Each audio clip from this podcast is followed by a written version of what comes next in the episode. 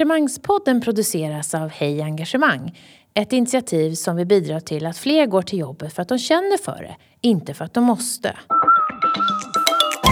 Hej alla lyssnare! Det är jag som är Beata Wickbom och ska leda er genom ytterligare ett avsnitt. Och idag har vi med oss grundaren av Sparks Generation, Alexandra Krok. Och vi ska prata om att hjälpa unga att hitta sin grej och att skapa engagemang för sin framtid. Varmt välkommen Alexandra! Tack så jättemycket! Härligt att vara här. Vad engagerar dig just idag? Ja, det som engagerar mig idag är hur vi kan få fler unga hitta den där grejen som tänder en på insidan. Och kan du säga lite mer om hur... För du är engagerad i det och du har också faktiskt tagit tag i det och byggt någon, en lösning kring det. Vad är det, ni, vad är det ni vill göra med Sparks? Ja, men, eh, det hela började med att jag såg, eh, jag har fått ett antal pusselbitar under den här resans gång. Jag såg, en första pusselbit var att min dotter Louise hon kom till mig och sa så här, mamma, eh, har du en concealer? Gärna från L'Oreal, sa hon till mig. Och då var hon nio. Så tänkte jag så här, men eh, eh, var har du hört det någonstans? Det är en sminkprodukt, eller hur? Ja, precis. Mm. Och jag tror inte man riktigt behöver den när man är nio år. Den ska ta bort så här mörka ringar under ögonen. Och oftast är ju det, om man har det när man är nio, vilket är ganska otroligt att man skulle ha, eh, så är det för att kroppen säger att man ska sova mer. Och det var det jag försökte förklara för henne. Men hon berättade då att det hade hon hört från Miss Lisibell på Youtube. Och det var en början av en resa. Det var en pusselbit jag fick. Att då började jag titta på Youtube jättemycket och såg liksom alla influencers och vad det handlade om. Samtidigt så fick jag en annan pusselbit som kom till mig och det var den här forskningen Sparks. Eh, som handlar om att unga som hittar sitt inre brinn i korthet mår bättre och får bättre framtidsutsikter. Och den tredje pusselbiten jag fick var att det var så många unga som saknade just en fritidsaktivitet efter skolan med en vuxen ledare som såg dem. Och när jag såg de här tre pusselbitarna så tänkte jag så här, men gud, tänk om man satte ihop det här på ett annat sätt så att man hjälpte fler unga att hitta sitt brinn och sen må bättre med hjälp av digitala och sociala medier där kidsen ändå är. Så det var du början. såg att Louise intresse för de här sminkgrejerna var en möjlighet att, att nå unga eh, via sina egna favoritplattformar. Ska jag tolka det så? Exakt. Mm. Um, och vad, um, vad eh, betyder hitta sin grej? Ja, vi, vi vuxna kallar, kanske kallar det för eh, sån här passionerat intresse. Ehm, vi försökte hitta en, en term som unga kan förstå. På något sätt har vi märkt när vi har gjort alla de här fokusgrupperna och workshopparna med unga att de översätter det till sin grej. Och det i den här forskningen är vad den här Peter Benson väljer att kalla för en spark. Och det tyckte vi var... På sikt vill vi bygga det det begreppet även i Sverige. Att en spark är en ganska bra beskrivning. Det är en gnista, det börjar med en gnista. Men för att den ska hållas vid liv så behöver den syre, uppmuntran, uppmärksamhet så att den ska brinna och utvecklas och bli en flamma. Livslång flamma. Mm. En spark. För då är det väldigt viktigt, har jag förstått, att hitta sin grej när du är ung. För då då kan den där flamman, dels kan den ju brinna längre över ett helt liv, men den kan också hjälpa dig att eh, känna mening och känna, ja, känna mening i livet. Är det så jag ska tolka dig? Absolut. Um, en gnista, en spark, vad man kan se när man frågar unga kring hur det upplevs att ha en spark, eh, en grej. Och då uttrycker de sig som att det är en möjlighet för dem att tanka glädje, Eh, det sätter igång en inre motivation hos dem. Så motivation. Och de gör någonting som de själva har valt som känns viktigt och meningsfullt. Så den, den kraften inom dem, man kan prata om engagemang för vuxna, men det här är en startpunkten för ett livslångt lärande och engagemang på egna villkor. Så det är väldigt viktigt. Väldigt viktigt. Man ser också den här forskningen som jag tycker är så fascinerande och som är eh, så spännande. Det är att den här sparken, den... Eh, Peter Benson han kartlade vad, vad kan en spark vara? Och han har hittat typ plus 100 sparks. Så det är inte bara inom idrotten vi tänder den här gnistan utan det kan vara både konst, kultur, skapande, entreprenörskap, skolämnen som rymden, eh, djur, natur, medmänniskor. Det här det kan handla om massa olika intressen helt enkelt. Allt som man skulle kunna skapa en kategori på Jeopardy kring i princip, eller hur? Ja, absolut. Ja.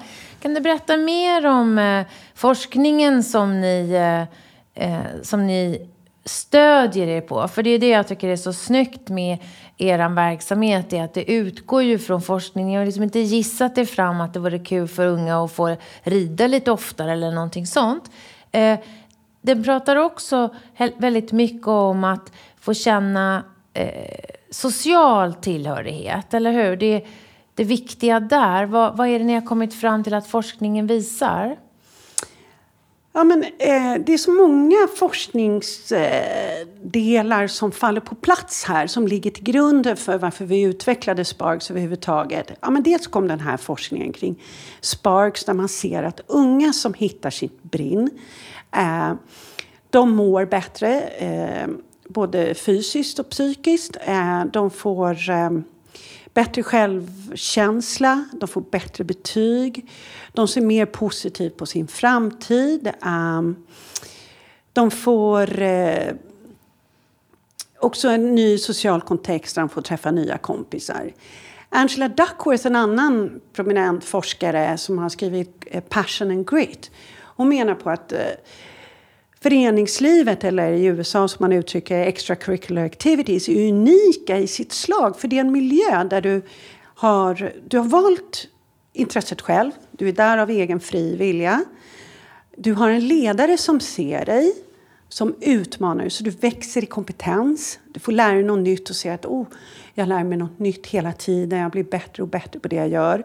Men eh, också du får kompisar i en ny social kontext som du kan dela det här intresset med. Eh, och det är väl också vad eh, motivationsteori kring det här self-determination theory, att du får autonomi, växa kunskapsmässigt och få en ny kontext eh, och du får en belonging i något nytt sammanhang. Som så, bygger engagemang. Det är ju det, engagemang. Väldigt många intervjuer i Engagemangspodden har vi ju haft den teorin som vår utgångspunkt. Ja. Och sen så i vår referens, eh, i vår advisory board sitter Jan Henriksson som är en av grundarna till Selfleaders. Han säger hur viktigt det är med självledarskap i en komplex och ständigt eh, dynamisk och föränderlig värld. Att vi måste träna på att leda oss själva utifrån våra värderingar och vårt inre, vår inre kraft. Så där, den stö, stöttar också det.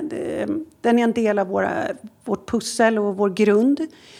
Grit och mindset är också sådana bitar där man visar att när du har ett eh, intresse vid sidan om skolan, ja, men fotbollen till exempel. Du går iväg eh, till fotbollen även när det regnar och det känns motigt och jobbigt. Det var ett jobbigt prov i skolan.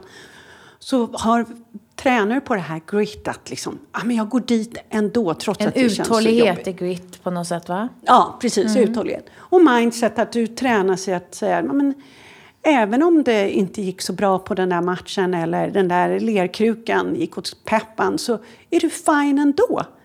Eh, du kan ju, det är ett unikt tillfälle att få lära sig. Så det, det är så många viktiga forskningsbitar som ligger här och som visar på värdet av, både för individen men också för samhället, att unga som hittar sin spark och får träna på på det mår bättre och det kommer alla oss till gagn. Mm.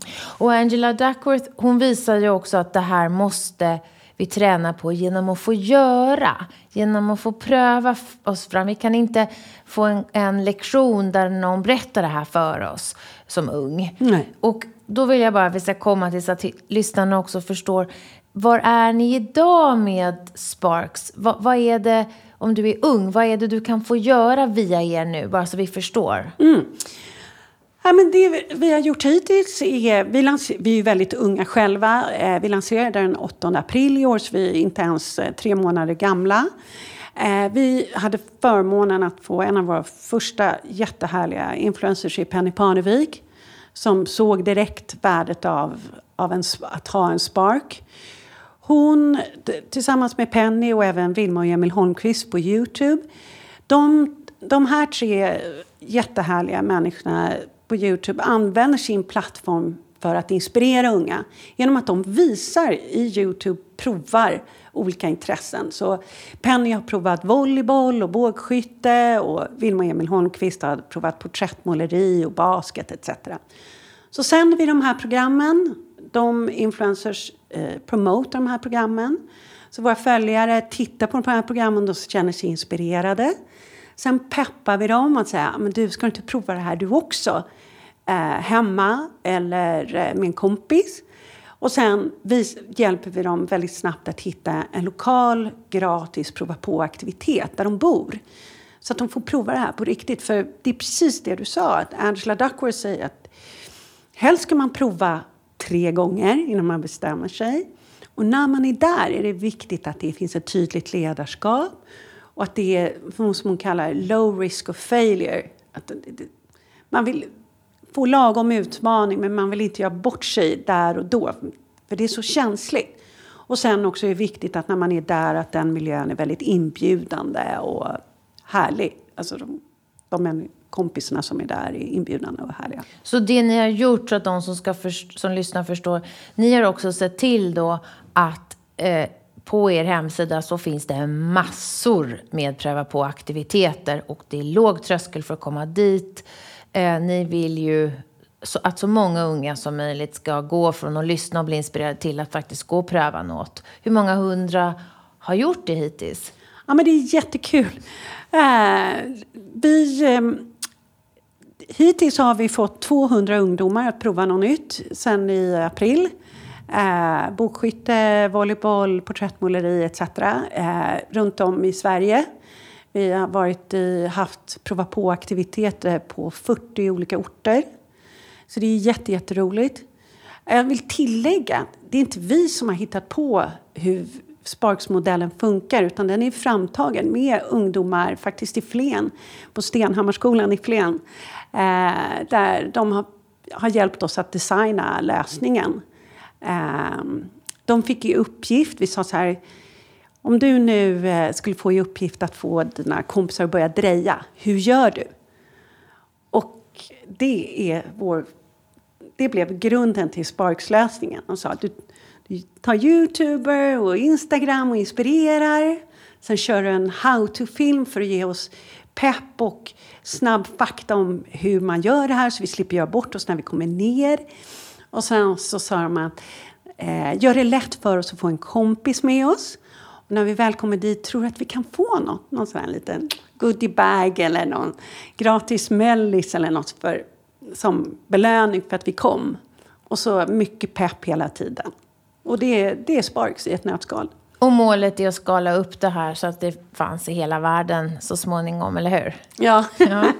Vi har faktiskt eh, eh, förmånen att ha en amerikansk stiftelse från början eh, som sa, well Alex, um, You solve this in Sweden, you can come to the States. Men det är en dröm. Det är en dröm där mm. framme. Mm. Men jag undrar så varför den här forskningen inte har uppmärksammat mer, uppmärksammats mer i till exempel undervisning och i skolan. Och också vad vi som vuxna kan ta till oss och stödja de unga och de barn som finns i vår närhet. Ja, det känns lite som att man börjar stöta på mindset och grit i idrottsvärlden och mindset i skolan. Men det finns en, an, det finns en annan fråga där ute som vi vuxna och, och, skolan och sånt behöver hjälpa till med att besvara. Och det är en fråga som jag fick i, på Stenhammarskolan igen då. Det var en tjej som sa till mig så här. Um, alla säger att man ska må bra och vara sig själv, men ingen berättar hur. Och jag tror att det är det här som är kärnan. Vi måste hjälpa till att berätta hur mår man bra och hur hittar man sig själv. Och eh, dels finns det en, jätt, en annan forskning, det finns mycket forskning i Sparks i botten, men det är en som heter Healthy Mind Platter. Och det är lite som tallriksmodellen fast för hjärnan. Jag vet inte om du kommer ihåg Beata, men det fanns ju det här, vi skulle äta sju slice, eh, sju brödskivor om dagen, sa Socialstyrelsen 1976. Men det här är lite motsvarighet. Vad behöver vi för att må bra? Eh, och då har man identifierat de här forskarna på, mm, jag tror en av dem är från Colombia, eller nej, UCLA, förlåt. Han har skrivit, de har skrivit en Healthy Mind Platter. Det är sju saker vi behöver göra. Vi behöver sova, vi behöver umgås med människor, vi må, behöver fokusera på någonting, vi behöver få reflektera, vi behöver röra på oss. Eh, vi behöver få chilla bara, låta hjärnan vandra. Ja, det är sju saker. Och tänk om vi berättade det här för unga, att du behöver göra de här sju sakerna för att må bra. Bara att nu kanske vi gör en väldigt mycket av de här sju grejerna och det får konsekvenser. Mm. Vad är din grej, Alexandra?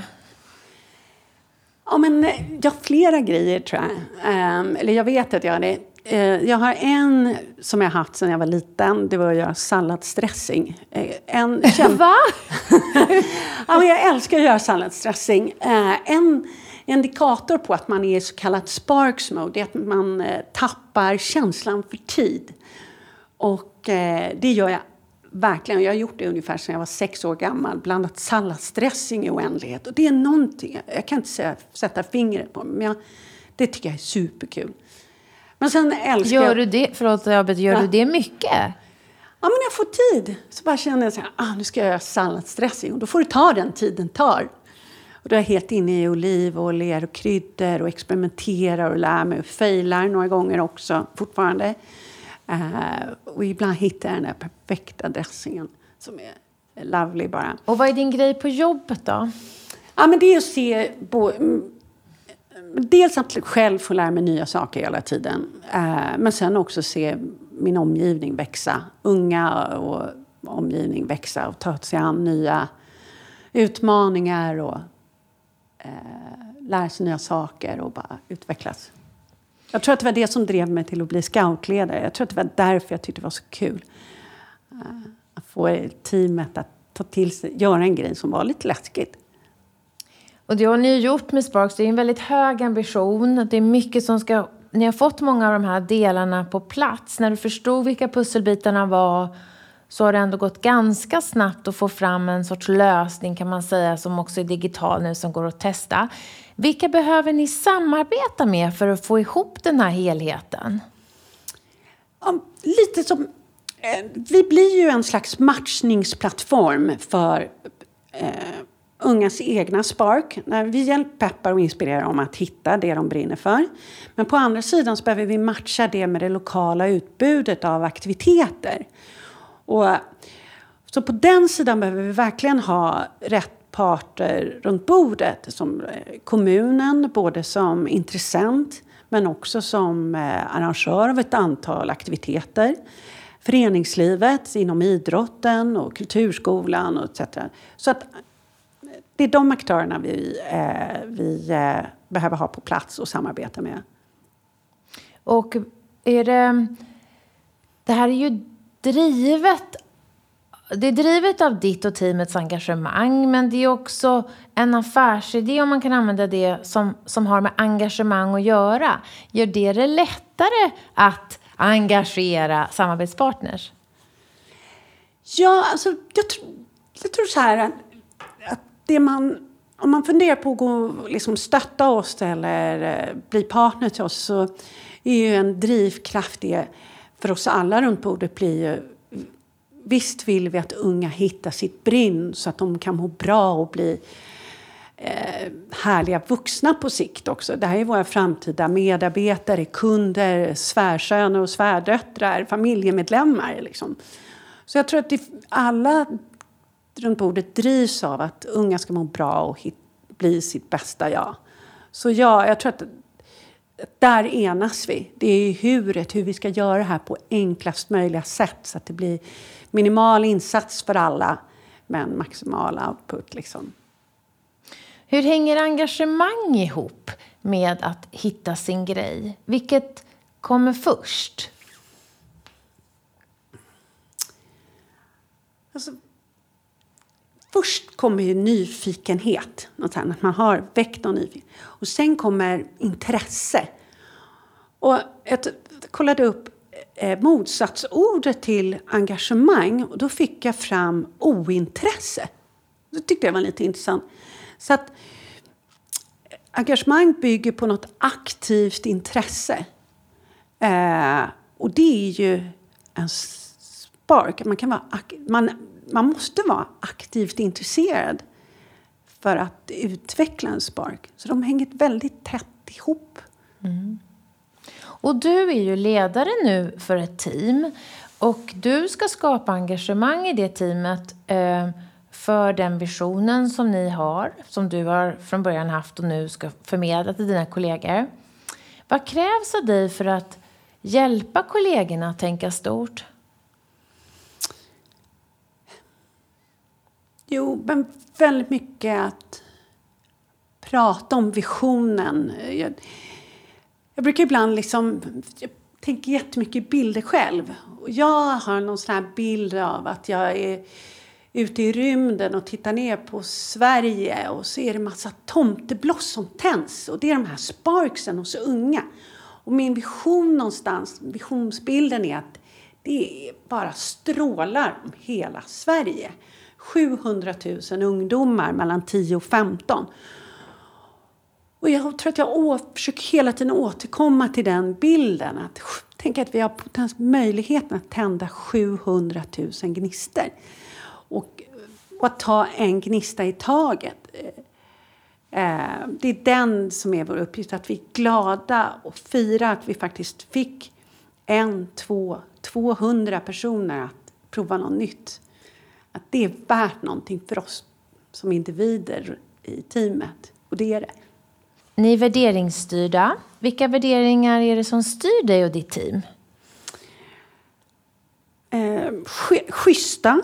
Eh, vi måste vara väldigt schyssta mot varandra och ha högt i tak. Vi måste vara nyfikna eh, och våga och vara innovativa och prova, våga prova nytt hela tiden. Um, och de värderingarna... För att leva som ni lär? Ja, så leva som vi lär. Um, schyssta för att jag tror ungdomar när man kommer ner på de här prova på-tillfällena behöver trygghet och att det är schysst när man kommer ner. Och det måste vi vara hos oss. För att det man måste komma på nya idéer och att man eh, kan ta emot feedback men också när man ger feedback att man är schysst. Eh, att vi är nytänkande och vågar prova nytt är jätteviktigt för sociala och digitala medier rör sig så himla snabbt. Eh, ja, men det är väldigt viktiga värderingar i vår, vår, vår kultur. Kan du berätta mer om hur du är som ledare? Hur skulle dina kollegor beskriva dig? Um, jag tror att de skulle säga att jag är väldigt driven av den här visionen. Att jag kommunicerar väldigt mycket kring den.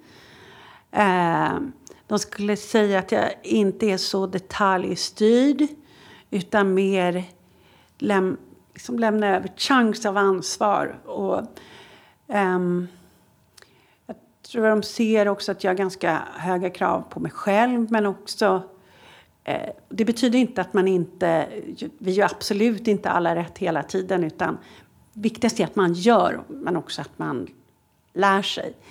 Eh, och att vi är öppna, vad lärde vi oss av den här, den här, eh, den här grejen? Vad gick bra, vad gick dåligt? Så jag tror att det är, det, är väldigt driven och, drivs av visionen. Eh, mm. Och när du beskriver dig själv, är det någonting mer du, du vet att du försöker vara som inte kanske alltid kommer fram men som du, som du tycker är viktigt hos en ledare?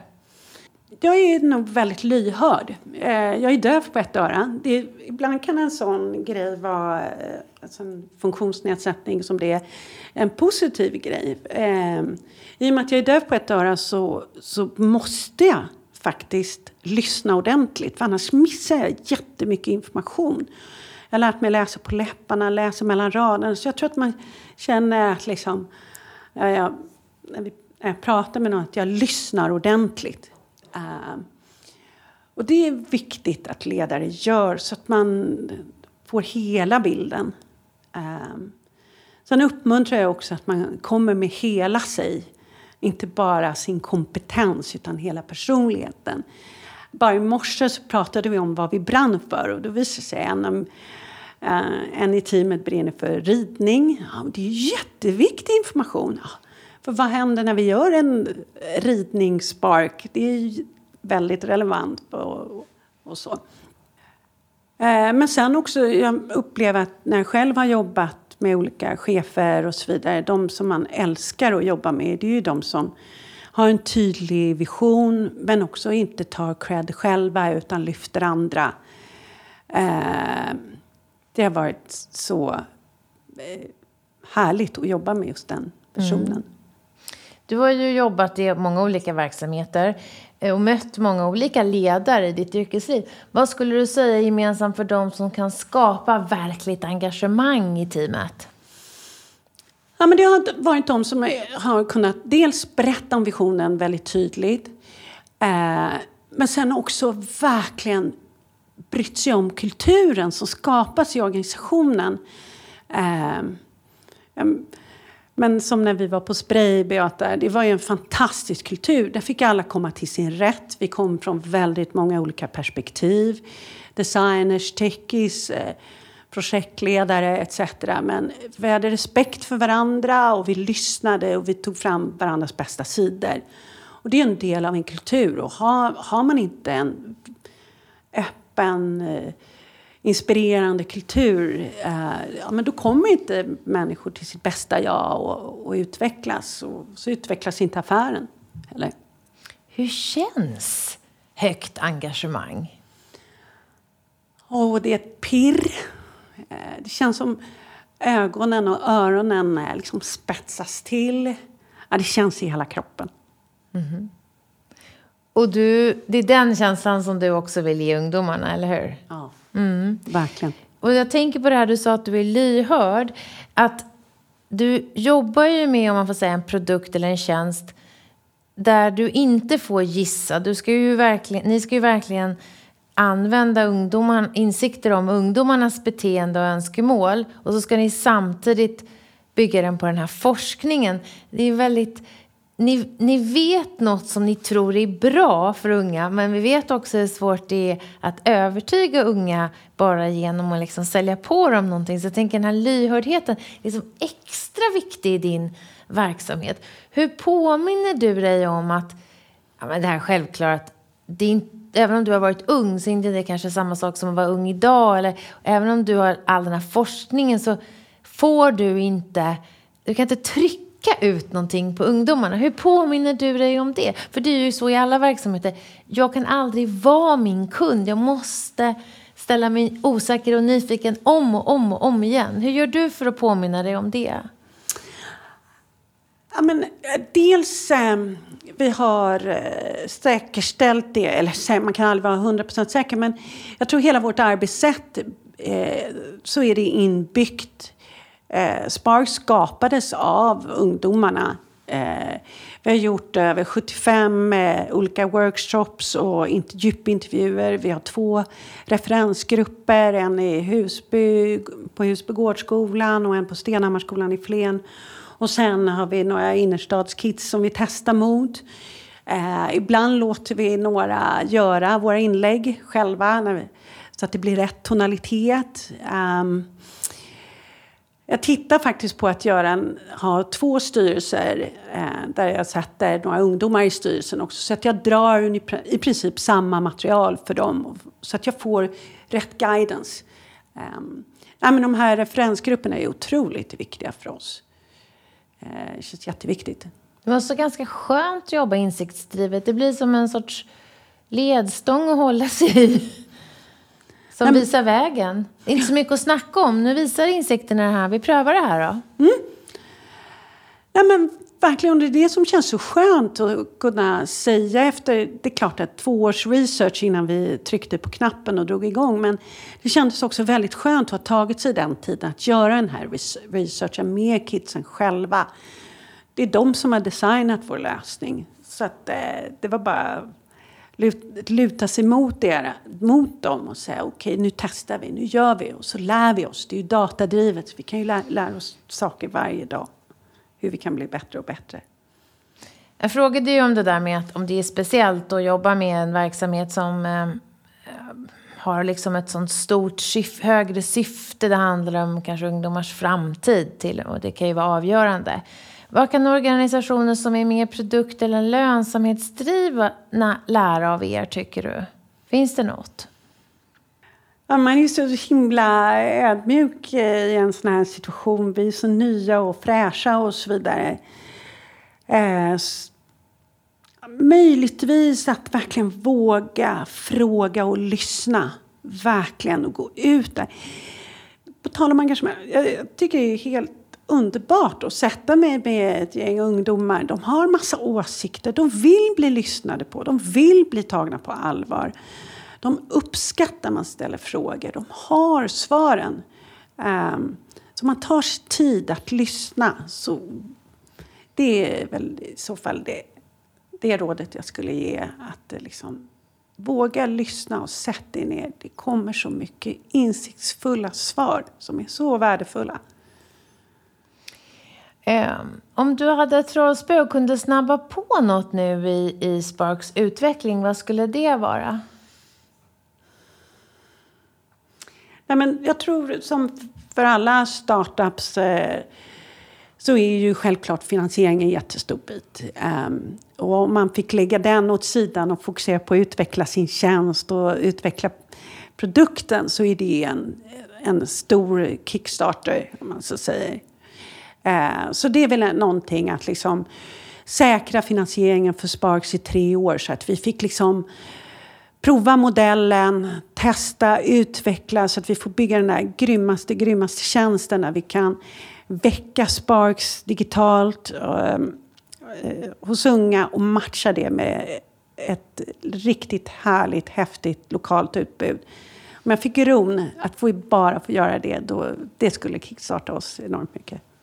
Jag känner ju det lite som tidigare och jag vet, du berättar ju också att du är väldigt noggrann och att du går på djupet. Och, Eh, du är ju kanske en person som skulle kunna riskera att bli för engagerad. Alltså, hur ser du till att hålla, eh, hålla en balans här så att ditt engagemang inte sänks av att du liksom jobbar ihjäl dig. För du, det, här, det är ju en klassisk fälla för startup-vd. att det är så himla mycket att göra. Och ni vill göra så mycket på kort tid. Ja. Och så jobbar du dessutom med en engagemangsprodukt. Så det skulle ju vara fruktansvärt om det var det som sänkte dig. Så hur tänker du på att se till att hushålla med ditt eget engagemang för att vara långsiktigt hållbar? Ja, det är flera olika bitar. Eh, dels så har, jag, har vi en stor familj, min man och jag. Vi har fyra döttrar som är jätte helt, som är en energikälla för mig personligen. Eh, och där måste, jag vill verkligen vara med dem, för jag får energi av dem. Där tankar jag, eh, där tankar jag glädje, motivation och mening. Det känns extremt meningsfullt. Sen eh, tänker jag också en hel del på den här eh, Healthy Mind Platter. Påminner mig själv om att sömn är jätteviktigt. Röra på sig är jätteviktigt. Tänka på att det är byggstenar för att hålla långsiktigt. Jag är inte så egentligen jätte eh, intresserad av eh, motion. Men jag försöker hitta en motivation för varför jag ska röra på mig. Och jag har insett att det som triggar mig mest det är när jag tänker på en bild på mina barn i huvudet. Och känner så här, ja, om jag rör på mig mer, då får jag ju faktiskt fler dagar med dem. Och jag satsar på att bli hundra och ha världens hundraårskalas. Så mitt mål är, varför jag ska motionera, det är för att jag ska vara med på mitt hundraårskalas. Och det och kunna dansa. Vad sa du? Och kunna dansa. Absolut. Vi har ju en fråga på slutet som handlar om eh, Eh, att, att, vara engagemangsminister. Vi tänker att den här personen hade liksom makt över engagemanget på svenska arbetsplatser. Det är en symbolisk person då. Och ehm, för att det är så lågt. Vi har alldeles för lågt engagemang på svenska arbetsplatser. Och det är ju det vi försöker jobba med i den här podden och med allt som Hej Engagemang gör. Om du var engagemangsminister för en dag, vad skulle du göra då? Ja, men jag skulle utlysa en Sparks Day faktiskt. Eh, för både vuxna och unga. Eh, där vi allihopa bar vår spark på utsidan. Lite som en symbol. Att jag liksom min spark är dressing och din spark är... Vad är din spark, Beata? Eh, trädgård, trädgårdsodling och rosor. Ja, och du bara en symbol för en ros. Där. Och så om vi står på busshållplatsen bara och inte känner varandra så kunde du säga Ha, brinner du för dressing? Berätta. Och du brinner för rosor? Jaha, berätta. Så kunde vi mötas där på något sätt. Och sen för de som inte ännu har hittat sin spark, och det är inte så eh, ovanligt att man inte har gjort det att vi kunde få bjuda in dem till våra spark. Så säger du, har du ingen spark? Kom, prova med mig, häng med mig och, och testa dressing. Till mitt kök. kom hem till mig så jag vill. Ja, men skulle utlysa Sparks då, att vi bar våra intressen på utsidan och att vi möttes där. Då tror jag mycket skulle... Inkluderande också. Väldigt inkluderande. Mm. Det har varit ett jätteroligt samtal. Tack Alexandra för att du tog dig tid att vara här. Tack alla ni som lyssnar på oss. Ni blir fler hela tiden och ni skickar feedback. Det älskar vi. Gå nu ut och leta efter er spark och se till att hjälpa en eller fler ungdomar att hitta sin. Hej då! Vi hoppas att vi har väckt tankar om hur du kan bidra till ett mer engagerat Sverige. På hejengagemang.se kan du hitta mer inspiration och tips kring hur du som individ, ledare och organisation kan jobba för att skapa ett ökat engagemang, välbefinnande och nya resultat. Tack för att du har lyssnat!